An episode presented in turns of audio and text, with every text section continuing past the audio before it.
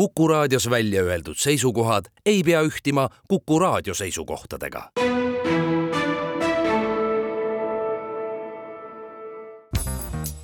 järjejutt. Torgny Lindgren, Mao tee kalju peal, Loomingu Raamatukogu kuldsari. järjejutt. meie isa, kas see oli tema, Karl Orsa, talunik ja poemees, keda sa tahtsid tol korral maa sisse matta, kui sa sedaviisi rabakünka veeru ära hävitasid? või mõtlesid sa mind ja minu maja ja Johannat ja lapsi, kelle elu elamata jäi? seda siinkandis ei juhtu, kinnitavad nemad. maavärinaid, lihenemisi, murranguid, ei miskit. ainult seda tahan ma küsida. sa tead minu olukorda. Rootsi keelt, nagu ma nüüd sinuga räägin, meie isa, seda õppisin ma Paakpööles ja Jakobi käest. olukord on rohmakas sõna. ma laon sulle kõik lagedale, meie isa. ma laon sulle kõik lagedale, meie isa, algusest kuni lõpuni ja siis küsin ma sinu käest seda, millest ma aru ei saa. mina, Johan Johanson, keda rahvas suurustaja Janniks kutsub, eks ütle sinagi nõnda, kes sa inimeste vahel vahet ei pidada tegema sündisin Rabakünka veerul tuhat kaheksasada nelikümmend üheksa. samal aastal, kui minu vanaisa Aleksis end ühe Ol Karlsa männi otsa üles poos. oma metsa tal siis enam pold ja samal aastal, kui kaks Johan Olovi sönni talusoo allikasse sisse vajusid ja seeläbi talle härja külmallika nime andsid. igal asjal peab nimi olema. kui sa, meie isa, kunagi tarvitsed kopsikutäit vett, mis sinusuguse surematu olevuse janu kustutaks, siis ütlen ma sulle. mine sinna härja külmallikale. see on selge ja külm nagu õhk tähtede vahel ja asub ainult kümne sammu kaugusel viimastest purretest enne Kuusemäge. sa tead, et ma sündisin kangekaelseks, sina lõid mind kangekaelseks ja sa oled alati minu vastu üteld, sa ei tohi olla kangekaelne suurustaja Jani. selles asjas oled sa iseäralik. sa teed meid hoopis isesugusteks, suurelisteks või põikpäisteks või ükspuha millisteks. Ja siis kulutad sa terve meie elu selle peale, et meile selgeks teha, et just sellised ei tohi me olla, me ei tohi olla just sellised isesugused, nagu sina meid oled loonud aga seda tegid sa hästi, et sa ei andnud mulle kuigivõrd seda, mille peal oma trotsi näidata.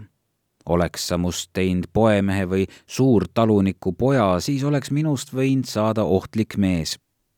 Kõige selle meie soo isemeelsuse ja põikpäisuse juures minust oleks võinud saada kuri isand.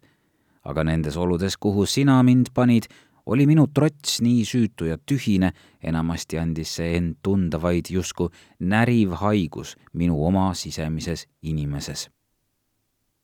Jumal, kelle poole me pidime pöörduma? Rabakünka veerust oled sa otseku kuristikku teinud. Ja nagu ma siin praegu istun, jalad jääraku kohal rippu, ei tunne ma miskit hirmu. Ma võiks ükskõik kus jääraku kohal jalad rippu lasta, ma tean, et sa võid kuristikke avada ükskõik kus ja millal sulle pähe tuleb ja isegi selle kuristiku kohal või kuidas nüüd seda jäärakut nimetada, tunnen ma trotsi. ta kosutab minu hinge, juba tema nimi juhatab mind õigele teele. ei, ei andnud sa mulle isa, kes oleks mind toitnud ja eks ta olnud ükstapuha üks suu oleks juures olnud, ükskõiksuse andsid sa mulle sündimisel kaasa. et see minu trotsi leevendaks ja ega tast suuremat asjameest vist pold, sest sa võtsid ta Pittholmeni hullumajja, kus ta siis otsa lõppes ja suri. tema asemel oli meil ju harmoonium, mille ema ristiisa Tisler Rönn Tjölnist emale meisterdas ja mis oma lustakusega, eriti kui nupud printsipal ja flööte välja tõmmata, meile mõnikord leivakannika andis. ja miskit ei sünni maa peal ilma meie isa teadmata. kõik meie juuksekarvadki on loetud. Nad tulid tavaliselt emale järele laupäeva õhtuti, kui ta oli lüpsi lõpetanud, nad olid lärmakad ja lusti täis, nad kandsid harmooniumi õue ja tõstsid redelvankri või saani peale ja ema, keda nende rõõmus meel nakatas, pandi kutsari kõrvale istuma. Ja siis nad sõitsid minema, ette nähtud majja või kööki või rehealusesse ja tantsisid seal kuni hommikuse lüpsini meie ärkasime tavaliselt selle peale, et nad sättisid harmooniumi kojatrepile ja ema kolistas pliidirõngastega. vanaisal polnud niisiis ei oma metsa ega ka põldu või niitu, polnud tal mitte tuhkagi, ehkki ta polnud sündinud tühjade kätega. ta lasi kõik kaotsi minna, nii niidud kui põllud, Nõlva-Nurme niidu ja Kellakara põllu. ja kui ta oli kõik kaotanud hakkas ta puudust kannatama. ometi oli ta ilmsüüta otse kui vastsündinud lapsuke. viina ta ei joonud, ta lihtsalt lasi oma vara tuulde nagu väike laps, kes murul ringi lippab ja kõik, mis tal käes on, siia-sinna maha jätab. ta oli järeleandlik ja vastutulelik ja lihtsameelne. äriasju ajas ta Oll Karlsaga. äri peab ju käima, ütles ta hobuserauad ja kabjanaelad ja kirved ja saelehed ja sool ja suhkur ja sepatao raud ja kangasoad vanaemale. sularaha polnud vanaisal ollagi, aga alati sai ju pandikirja teha. Oll Karlsal olid need valmis trükitud, Põllumaa ja Nõlvanurme niit ja Tarna heinamaa ja Kella karapõld. teised ajad just nimelt. teised ajad ja paremad päevad pidid saabuma, kui ta need pisisummad koos protsentidega ära õiendab. aga aasta enne minu sündimist lasid sa, meie isa, Oll Karlsal pandikirjadega lagedale tulla. ta kandis neid piiblikaante vahel, kust jumala sõna oli välja võetud ning kus kõik tema väärtpaberid olid koos nahkrihmadega kokku tõmmatud oli pühapäevane päev ja vanaisa ütles, et ta olnud rõõmus poemeest nähes, kes nii vagalt ja pühalikult puhkepäeva pühitseb, et piibli kaenla all ühes võtab, kuhu ta ka ei lähe. sa oled ikka üks parandamatult jumalakartlik poemees küll, ütles ta. vanaisa ütles just nimelt poemees, ehkki tegelikult oli Oll Karlsagi tavaline talumees, ainult harjuskite toel oli ta hakanud kõikvõimalike kaupadega kaubitsema ja miks panid sa, meie isa, talupojad valitsema seda imekaunist maad, mille sa olid loonud ja miks täitsid sa nad tigeduse ja kiivuse ja võimuahnusega, et nad polegi nagu inimesed? Need on pandikirjad, ütles Oll Karlsa. piibli lasin ma härja nahka köita. või nii, ütles vanaisa sina käid siis pandikirjadega ringi ja jätkas oma ilmsüütuses. ema võiks meile sõõmujooki pakkuda, kui me sisse astuks. on teine nädal aega käinud ja praegu kõik see parem. aga Oll Karlsa oli suureline mees. ta oli Kuusemäe allikast joonud ja pühapäeviti ta niisuguse joogi poole ei vaadanud, milles pärmi sees oli ja praegu tahtis ta hoopis sularaha saada. imelik asi et vili siin nõlvadel juba nii kaugel oli, küllap tänu päikesele ja tuulevaikusele. aga istet võime ju ikka võtta, ütles vanaisa. istudes ütles Oll Karlsa. jah, need pandikirjad. sularaha pole mul ollagi, ütles vanaisa. aga edaspidi, homme on mul skeletisse asja, siis võtan pandikirjad kaasa. Vilja kohta on sul õigus jah tuulevaikus ja päike ka. aga edaspidi, jätkas ta, edaspidi raadab ta lauda taga. üks viljapõld juurde ja nõlvaku alla kaevab ta kraavi ja tükikese soostki üles, nii et saab nii põldu kui sööti. ta võib lubada, et edaspidi tuleb nii vilja kui sularaha ja vasikaid ja kitsi ja lambaid ja nähku ja nii jumala armu kui õnnistust. aga Oll Karlsa ei leppinud edaspidisega tal oli isegi kalender ja seal olid vaid päevade ja kuude nimed kirjas ja ei mingit edaspidi. kohtul ja kohtunõudmistel ja seadustel olid omad kuud ja päevad ja igale asjale on määratud aeg ja aeg on igal asjal, mis ette võetakse päikese all. aeg istutada ja aeg istutatud kitkuda. aeg tappa ja aeg terveks teha. Aeg maha kiskuda ja aeg üles ehitada. aeg nutta ja aeg naerda ja aeg leinata. aga edaspidi seda pole. et sa ka teda maha ei löönud, ütles vanaema hiljem. selle peale ma ei mõtelnud, ütles vanaisa. vanaema pidas silmas tema jõudu ja sina tead seda ka, ta oli imeasju teinud kand sajakilost kotti sirgetel kätel, seist mära kõhu alla ja ta üles tõst vinnanud kaks täismeest oma kätel üles, painutanud üheksa tollise hobuse rauas sirgeks, ehkki keegi ei tea, kas selliseid Ardenni hobuseid tol ajal siin üldse oli. aga et sa teda maha ei löönud, ütles vanaema. hakkan mina nüüd, ütles vanaisa sügisel, oktoobris, pärast rehepeksu, villapügamise ajal ja enne küpsetamispäevi, siis tuli Oll Karlsa seaduse tähega. kas pops või peremees, ütles ta. eks sulle ole see ükstapuha, Aleksis, ja minul on oma osa käes ja sina oled oma osa ära õiendanud nagu mees ja villa võin ma ära osta ja kui sul on mingit jooki, siis lase tulla. küll me rendi asjas kokku lepime kui ma villa ära ostan, eks siis saa sularaha. sularaha rendi jaoks. rent, ütles vanaisa, omaenda koha eest. minu koha eest, ütles Oll Karlsa ja otsis seadusetähe välja. küll me kokku lepime. me oleme ju ikka kokku leppinud. ega ma pole halb inimene, ütles ta veel ja vanaisa arvas, et tema silmis välkus kurjus. et ta teda maha ei löönud. ma ütlen seda sinule, meie isa. ja küllap sa lubad seda öelda, et ta teda maha ei löönud. Oll Karlsa oli kuuskümmend üks, vanaisa käis viiekümne kuuendat ja Oll Karlsa elu Jumal hoidis, vanaisa oma aga mitte. minu ema, tol sügisel oli ta seitseteist ema tõi jooki ja nad jõudsid rendiasjas kokkuleppele ja vanaisa ütles, et teised lapsed, Liina ja Eeva ja Tilda ja Maria ja Alida, nemad on nüüd ilma peal laiali ja ainult tema, Tea, ongi koju jäänud ja tal on andi muusika ja harmooniumi peale, mille Tjöln Rönn talle oli meisterdanud. ja Tea mängis ühe kirikulaulu. eks nõu leia ju alati, ütles Oll Karlsa aga sa oleks pidanud endale poja tegema.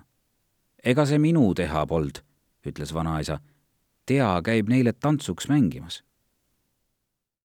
algusest peale, rendi maksmisest. nelikümmend üheksa, minu elu esimesel sügisel, sõitis vanaisa skeletisse peegli oma ja vanaema laulatussõrmuste ja portsellankukega, mille vanaema oli pööles teenija palgaks saanud ja seda oli just nii palju, et jätkus. aga viiskümmend, siis ei osanud ta miskit nõu leida. meie isa rent tuli maksta. üks aasta, leina aasta, oli meil rendivaba, kes me ellu jäime. ema ja vanaema ja mina ja mina olin just käima õppinud. ega ma pole paha inimene, ütles Oll Karlsa selle aasta annan ma teile vabaks ja mitte millegi eest olete muidu saanud, eks peate siis ka muidu andma. aga järgmine aasta tuli emal kõige eest tasuda, siis oli ta kakskümmend. kust me sularaha võtame, küsis ema. aga Oll Karlsa ainult vahtis ema otsa sa tead, kuidas ta võis vahtida, ta võttis kella välja ja vaatas seda, nagu oleks rendil midagi ajaga pistmist oli keskpäev ja ta vahtis ema ja siis minu ja siis jälle ema otsa. mis ta nimi on? küsis ta. Johann, ütles ema, vanaisa järgi. nii et tal on siis vanaisa, ütles Oll Karlsa. iseenesestki mõista, muidugi on tal vanaisa, ütles vanaema. viimastel aastatel oli ta paksuks läinud, see Oll Karlsa. seegi pidi tal omast käest lahedalt võtta olema lotid kaela peal, rasvakotid silme all, rasvapadjad sõrmedel, rasvad igal pool, et kõike oleks küllaga. sularaha, ütles ta, seda on mul niigi, rohkem kui küll. see oli kummaliselt öeldud, esimest korda elus ütles ta nii. midagi pidi tal mõttes olema. sest kellel on, sellele antakse. et tal küll oleks, aga kellel ei ole, temalt võetakse ka see, mis tal on ja oli üsna selge, mida ta mõtles. küttepuud ka, jätkas ta. Teie kaks vaest naist ja mitte ainsatki meest. ei, sularaha ei tule kõne allagi kui sina, meie isa, üldse oleks kunagi pidanud vahele segama, siis oli just nüüd õige aeg oma kätt tunda anda, aga ei juhtunud midagi. ei midagi erilist. vanaema palvetas hääletult nii, et ta oli täiesti näost ära ja ema võttis lauluraamatu ja surus selle vastu kõhtu nagu ennast kaitstes. aga Oll Karlsa istus seal halukasti otsas ja ütles, sa võiks ju minule mängida, tea seda polnud ju palju tahetud. muusika on otsekui trööst ja mängimisega saab otsekui muid asju edasi lükata. Tea mängis psalme ja Lamseni laule ja Oll Karlsale paistis kuulamine hästi mõjuvat. Ta pani silmad kinni ja kõigutas saapaid, meie maarahvas on alati muusikast lugu pidanud ja viivuks jäi vanaema uskuma, et Oll Karlsa sellega rahuldubki ja jääb tukkuma aga keset siit hädaorust, oh Jehova, sinu poole hüüdma ja kaebama nüüd pean. su lahked kõrvad, et mind kuulda võtaks. muutis ta jälle meelt. Tõusis püsti ja sammus ema juurde ja vajutas kõik nupud sisse, nii et harmoonium jäi hoopis vakka.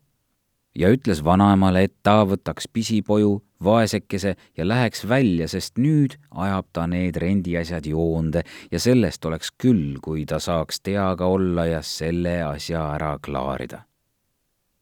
ja meie isa, sina, kes sa oled loonud ka Oll Karlsa, sa tead, mil moel ta selle rendi kätte sai. Sulle ei tulnud see ootamatult. lavats seisis köögi tagaseinas, seal nõudis ta oma õigused kätte ja selle õiguse ümber ei hakka me arutama. ta oli pikaldane ja põhjalik ja jõhker nagu vana kult. mu jumal, kelle poole me pidime pöörduma? Siis, kui ta esimest korda niiviisi talitas, olin ma kahene, emal oli kakskümmend, Karl Orsa, Oll Karlsa poeg oli kakskümmend kaheksa ja vanaemal oli veel ainult kaks aastat elada jäänud. Sügise poole tuli Oll Karlsas kelletist kahe kasepuu koormaga ja tõi pool kotti soola ja emale paari kingi. sa ei pääse enne, kui oled maksnud ära viimase veeringu. Ja ema õiendas meie eest ära, sest meil pole iial olnud muud lahendust, kui kõik ära õiendada. Karl Orsa, tema poeg, oli teistsugune. ta ei rääkinud midagi ja ta oli pikk ja kõhn ja sünge teda polnud kunagi ühes, kui nad harmooniumile ja emale järele tulid. tantsimist ta ei saanudki selgeks. milleks tal oligi vaja tantsida, tal oli niigi kõike küllaga, tuhat hektarit metsa, kakskümmend hektarit põllumaad, Nõlvasoo ja Suursoo karjamaaks, kolmteist lehma laudas ja kaks hobust ja pood ja kõik pidi ta kunagi üksi endale saama. nii et tantsida polnud temal vaja siit serva pealt ei paista põhja, nii sügav on see järsak, mille sa tegid. selle nimi on suur uus haud. Juba siis, kui aasta oli möödas, nimetati seda suur uus hauaks. kõigil peab olema nimi ja hiljem ei tea keegi, kes selle esimesena välja ütles. kui ema aru sai, et ta on käima peal, veensid sina, meie isa, teda Oll Karlsa juurde minema Oll Karlsal olid nüüd jalas haavandid ja ta istus poe tagakambris. Oli teede lagunemise aeg, ema kingadest nõrgus porivett. talle oli otsekui pähe löönud, et peab ütlema minema, et teab päris kindlasti, et tema ja Oll Karlsa lood on nüüd sedapsi, et laps on tulemas. ema oli täitsa otsas ja pistis soolaterasid otse kotist. ei või tõsi olla, ütles Oll Karlsa ja hõõrus jalga ma olen vana ja põdur ja nüüd on mul veel jalahaavandid. ta mainis ka oma naist, rääkimata sellest, et ma pole Megdagi juures kaks aastat olnud, ütles ta. meie isa teab, kuidas see nii läks, nagu ta on, ütles ema. mis olukorda sa meid oled pannud. see on see rent, mille sa välja nõudsid. rent, küsis tema. jah, rent, ütles ema. aga et sa käima peal oled, ütles Oll Karlsa. see on küll selgesti näha. Ja kui lapsele ei peaks isa leiduma, siis vanaisa on tal ikka olemas. igal juhul. ja ema oli sunnitud end kaitsma. Johannil on isa see on kiriku raamatus kirjas, aga ta oli haige. ta viidi Pitholmenisse, hullumajja. mina annan praegu järjest asju oma käest ära, ütles Olgarlsa. iga päev annan mõne väikese pala käest, metsa ja põllumaa ja poe ja karjamaa. Ja minu ja minu lapse annad sa ka käest ma annan kõik oma käest ära. mees, kellel on jalahaavandid, ei saa midagi pidada. kui juba jalahaavandid tekivad, siis tuleb kõrvale tõmbuda. ja sa tead kindlasti, et need on haavandid, küsis ema. kui just mitte midagi veel hullemat, ütles Oll Karlsa. aga ju siis meie isa tahab nii. sa tead, et ta rääkis alati niimoodi. Sa võid minu poja Karl Orsaga kokkuleppele jõuda selles rendi asjas. mina jätan nüüd selle sinna paika ega ta ülekohtune ikka ei ole. ehkki selge see, kui neid haavandeid poleks, ja eks sa võta oma pojale suhkrupea kaasa või kaks, võta kaks suhkrupead. viimastel kuudel läks tal raskeks Oll Karlsal. see oli nagu kohtumõistmine. Haavandid katsid tema jalad ja kõhu ja rinnakorvi ja käed ja näo ja ta ei võinud enam sööki vastu võtta ja ta teadis, et ainus, mis võib liha värske hoida, on sool. ja seepärast lasi ta Magdal iga päev hommikul ja õhtul jämeda soolaga oma haavandeid soolata. alguses oli see väljakannatamatult valus ja ta röökis jubedalt, aga pikkamööda tema liha otsekui kohanes soolaga ja viimastel päevadel näis, et piinad on nüüd möödas, aga ta oli omadega juba nii läbi, et sellest polnud miskit tröösti ja Karl Orsa lasi matustega Mihkli päevani oodata, sest laip oli ju sisse soolatud, nagu ta ütles, ja see oli äikseline suvi ja kõik tegemised nõudsid kolmekordselt aega. Minu õde, minu esimene õde, sündis kesksuvel. ühe tädi järgi pandi talle nimeks Eeva ja kõigele vaatamata paistis nii, et ema tundis temast tohutut rõõmu.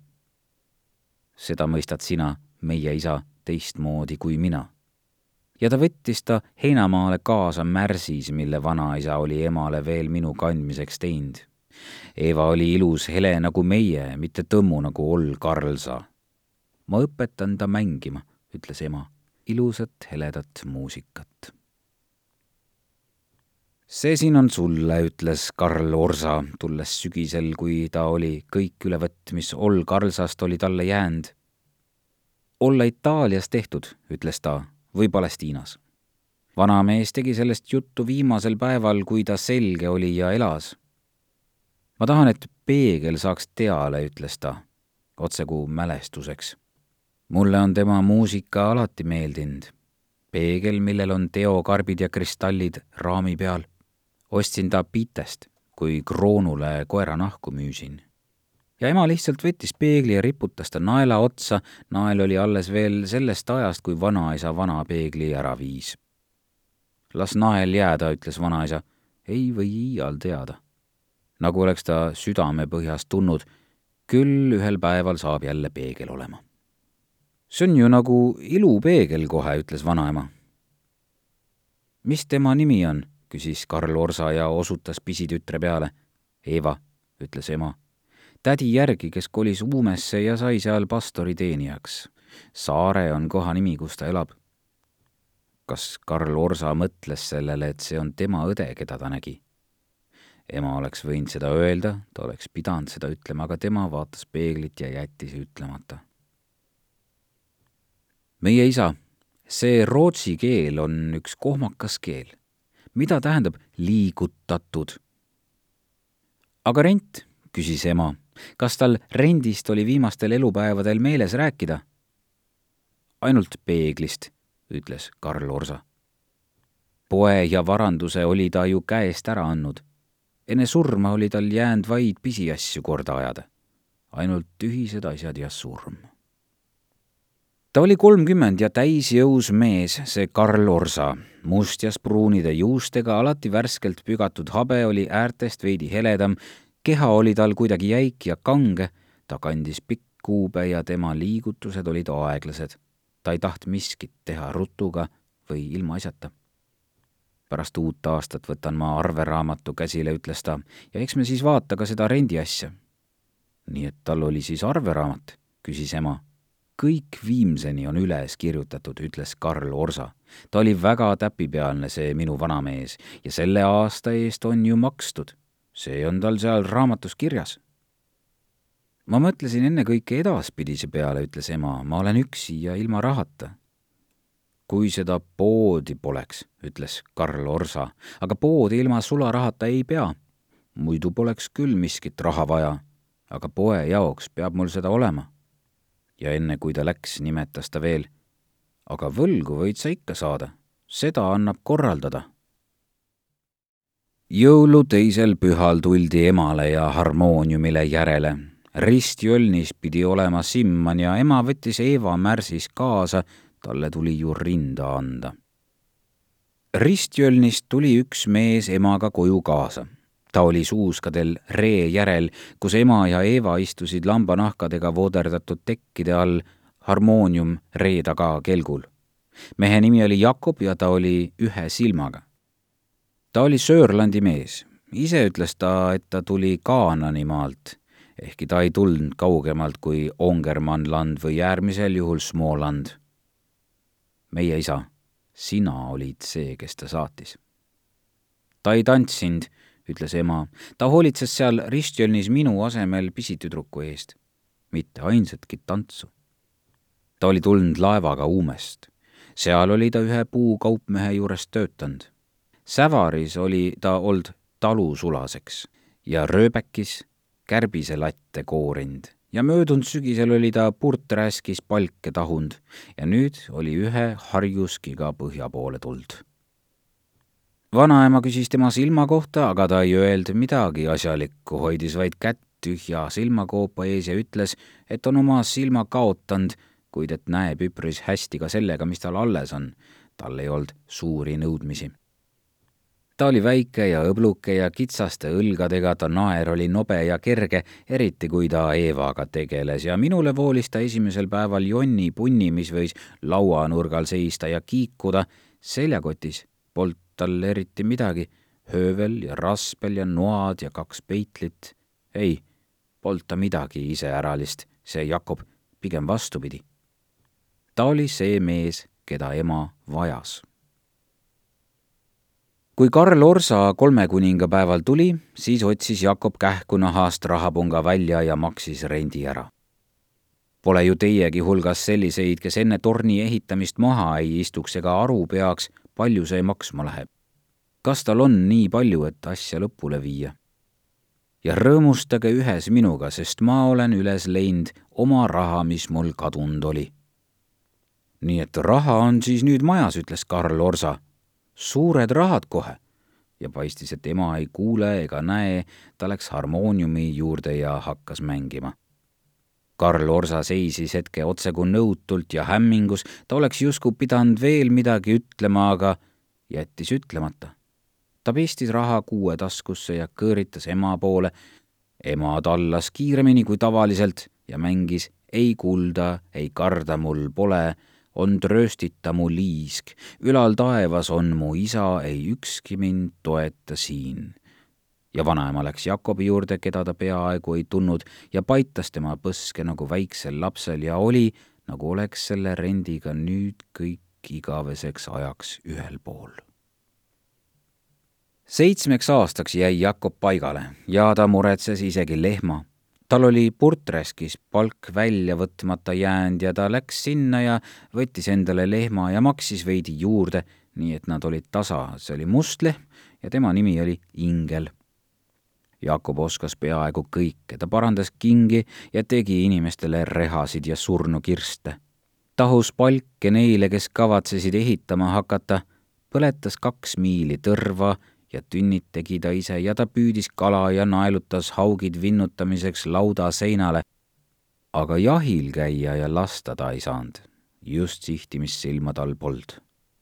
ja ema sai temaga kaks tüdrukut, Rakeli ja Saara. Ja Jakob muretses kaks emast lapikoera ja need poegisid ühtekokku kaheksa kutsikat ta pidas neid terve talve sulus, nii et nad olid nagu kiskjad ja kevadel lõi ta nad maha ja parkis nahad ja kui tuli sügis, õmbles ta emale kasuka, et ema ei peaks väljas surnuks külmuma, kui ta harmooniumiga sõitu läheb, ja veel koeranahast kindad tema pillimängija käte jaoks. Ja Jakob kandis hoolt, et raha oleks alati majas, nii et rent oli makstud selles asjas oli ta täpipealne, ehkki loomu poolest ta nii väga täpipealne ei olnud, viin oli tema nõrkus. ta sai seda Karl Orsalt, kes tõi viina skelletist vaatidega koju. Jakob ostis ühe kannu korraga ja jõi, kuni see otsa sai. see võis kolm päeva kesta ja pärast muutus ta lapsikuks. ta oli kahetsust täis ja hädaldas ja tahtis, et me talle andestaks, ehkki ta polnud ju miskit paha teinud ja ema pidi talle mängima Lamseni psalme otsekui palvetunnis ja kummaline, et üks nii väike mees võis nii vapralt juua ja nii valjult ja vägevasti Jumala poole hüüda. Mäletad sa seda, et ma ütlesin talle isa? sa võid Jakobile isa öelda ütles ema. midagi peab ta ju kõige selle rügamise peale saama ja me peame püüdma anda talle sellest piskust, mis meil on, et tal poleks põhjust rahulolematu olla. kõik asjad tuleb ära klaarida nii hästi kui võimalik, ütles ema veel. sellepärast ma teda isaks kutsusingi, ehkki ma pole kunagi mõtelnud muud kui Jakob. Karl Orsa jõi ka viina aga mitte nii nagu Jakob, et oleks purju jäänud ja olnud õrnasüdameline ja lapsik, vaid ühe klõmaka iga päev, et tema jäik keha hoopis kangeks ei jääks ning et ta omad asjad rahvaga aetud saaks. sest muidu oli ta ikka nii tõsine ja süngetes mõtetes ja tal oli inimestega läbikäimisega raskusi ja ta ei naerd mitte kunagi, kui ta just polnud sunnitud